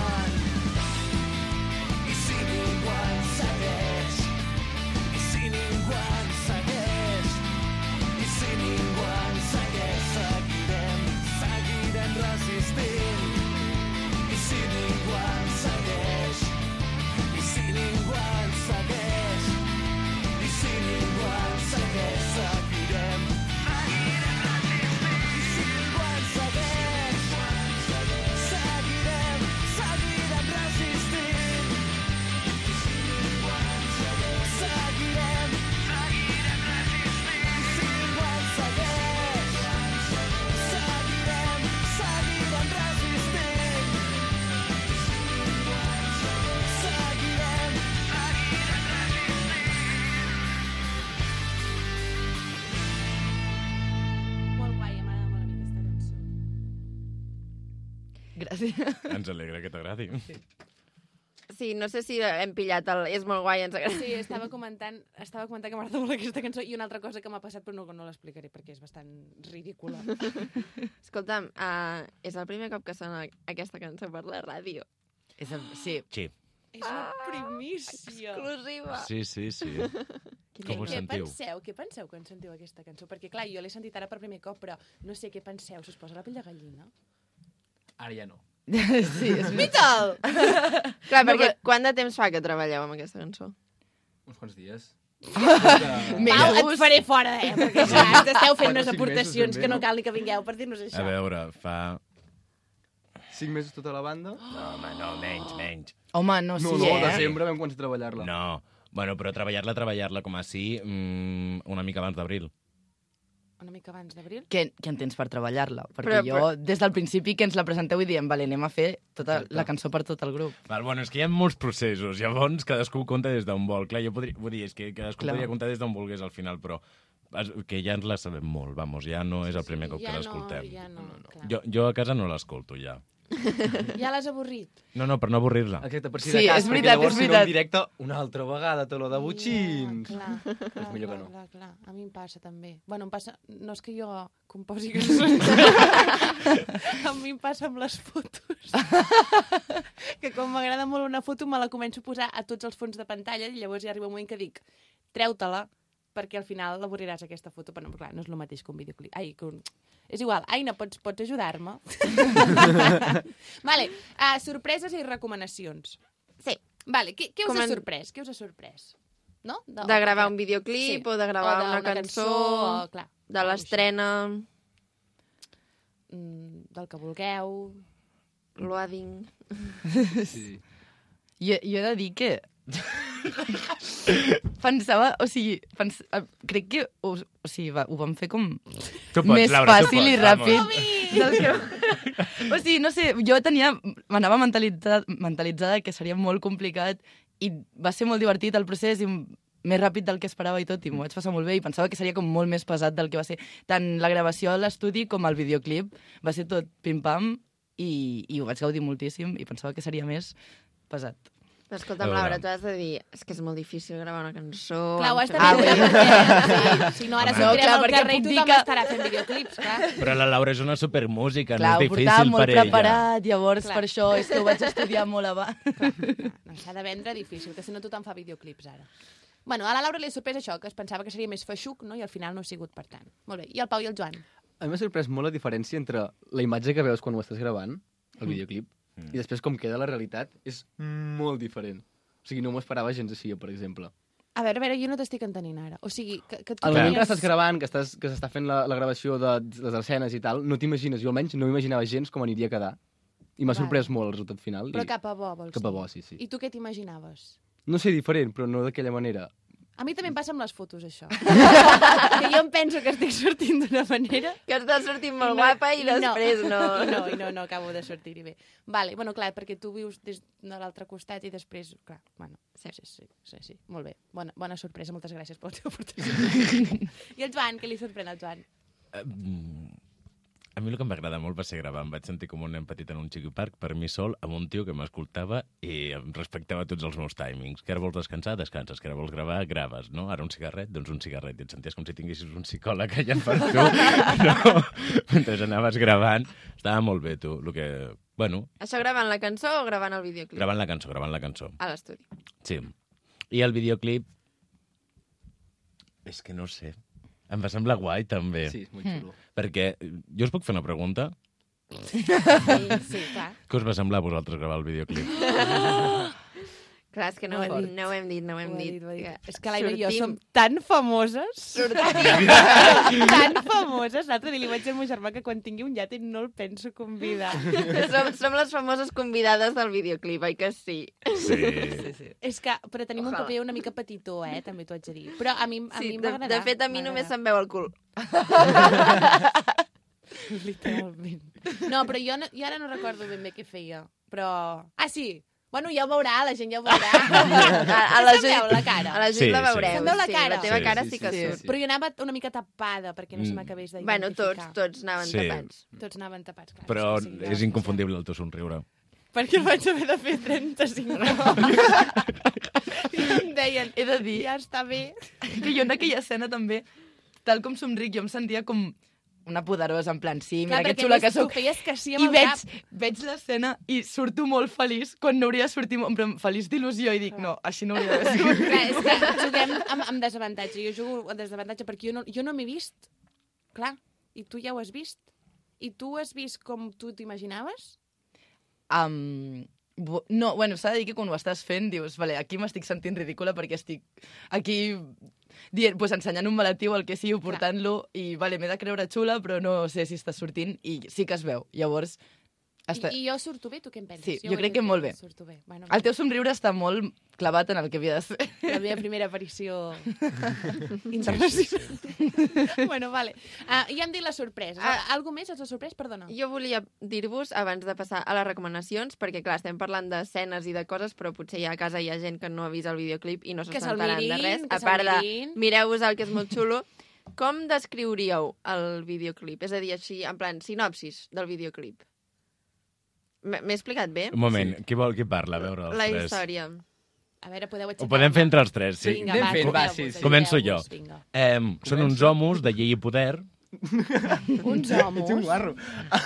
Són uns homos de llei i poder. Què vol dir uns homos? Uns homos, uns homes, uns... Ah, uns homes? Uns éssers. Sí, unes persones... Clar, clar, bueno. Persones poderoses que Persones- fan una festa. Que fan una festa. I bueno, demostren tot el seu poder. O sigui... Persones poderoses fan una festa i demostren tot el seu poder. Poder sí que hauria de parlar només un, eh?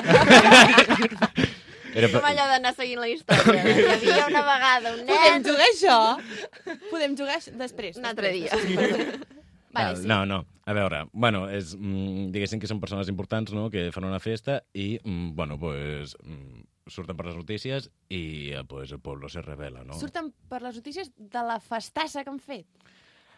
De lo que fan a la És festa. que a mi no em vau deixar llegir el guió, jo encara no, no entenc res.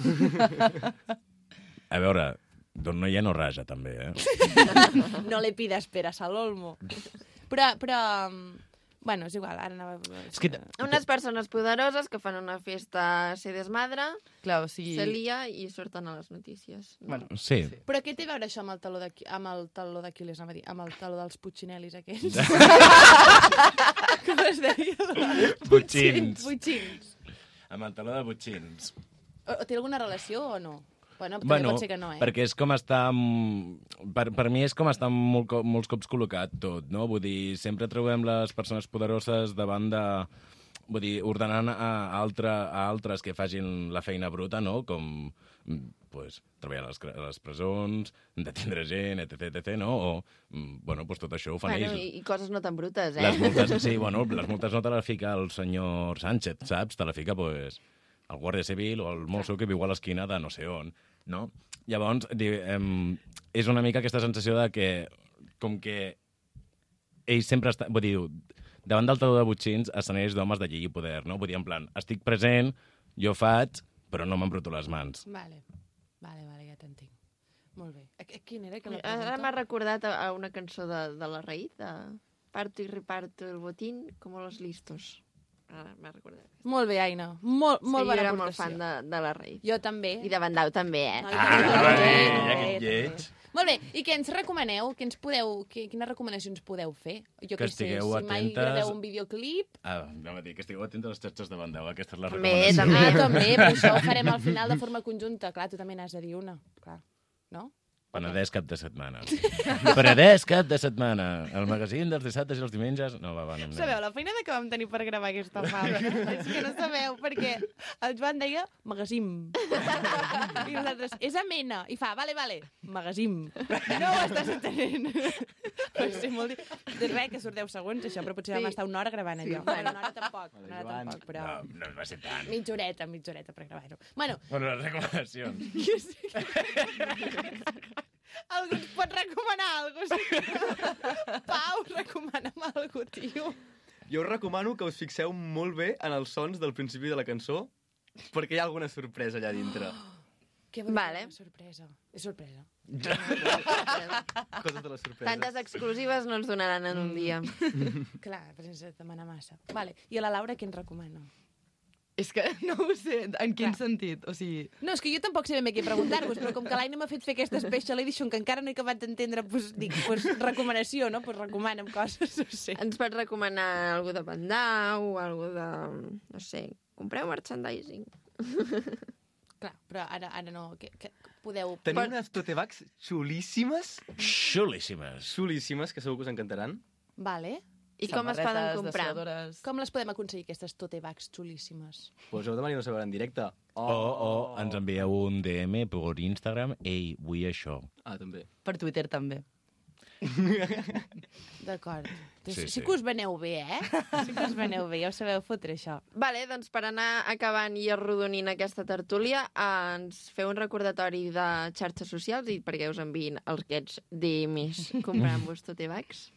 Sí. Arroba Bandau Grup a Sí, tot arreu. a tot arreu. Bàsicament, sí. Ah, us ho vau fotre fàcil, eh? De qui, de qui va ser la idea? A Twitter també. Ah, sí? A Twitter... El nom Mentida. és Sopapo, però l'arroba és Bandau Grup. Grup. Què vol dir sopapo? Sopapo jo jugo al cau al sopapo. Però és que tu saps que és un bandau. És que Bandau és Sopapo És un- en català. Ah, sopapo és en català? No, No, no sopapo és castellà. Ah, ah vale, vale. No, bandau no és un, un gamberro, no? No, un bandau és, és un clatallot. Sí.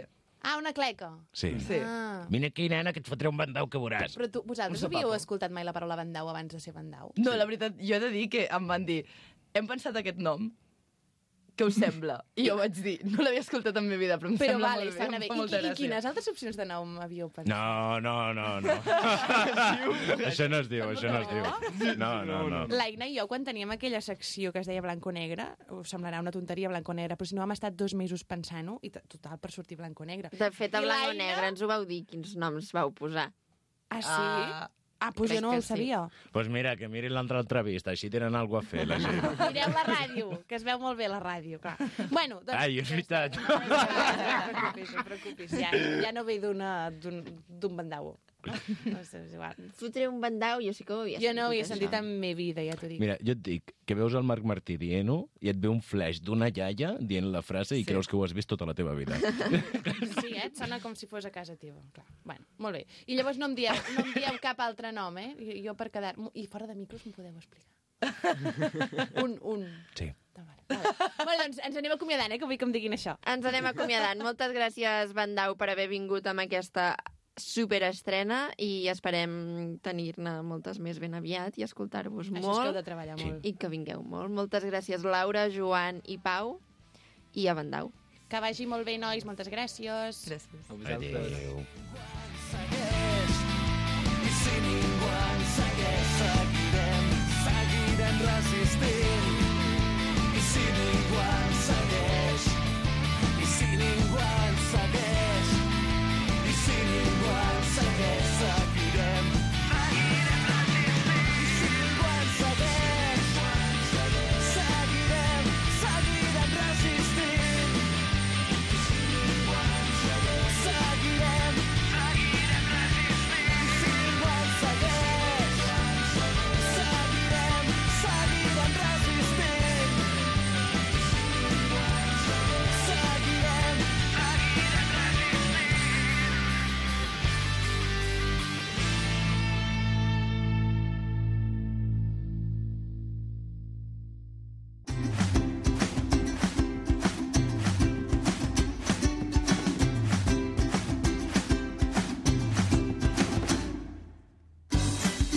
És ja el moment d'anar-nos acomiadant d'aquest programa Que estàs d'avui trista. dissabte. És que sempre penso que en el moment d'acomiadar-nos t'has de fer una mica així com la desolada, saps? Trista perquè s'acaba, ens ha passat tan bé aquest matí, hem fet tantes coses, hem après tantes coses, hem parlat amb tanta gent, que jo em vaig a fer la Estàs trista. desolada. De fet, si t'hi fixes, quan començo el programa dic bon dia amb un Sí, entusiasme. has- sí, has començat molt contenta i ara has ara anat de capa de caïda. capa caïda. De capa... Anaves a dir també de capa caïda, és que som tan amigues, ja li vaig dir tant una cosa. És com vam entrevistar el Quim Masferrer aquí a, a Sí, que li vam dir que érem amigues. I ell diu, diu, teniu una veu molt semblant, i li vaig dir, és que som tan amigues, i va dir, això no, això no té res a veure, no té res a veure. Però bueno, que està molt bé que sigueu amigues. Un saludo al Quim Masferrer sí, des d'aquí. molt descalç. Doncs, doncs això que deia, no? que acomiadem el programa d'avui dissabte i, Aina, doncs, si et sembla bé, eh, quedem demà a la mateixa hora diumenge. I tant, quin, ves quin remei. Doncs fins demà, Aina, que Fins vagi demà. molt bé.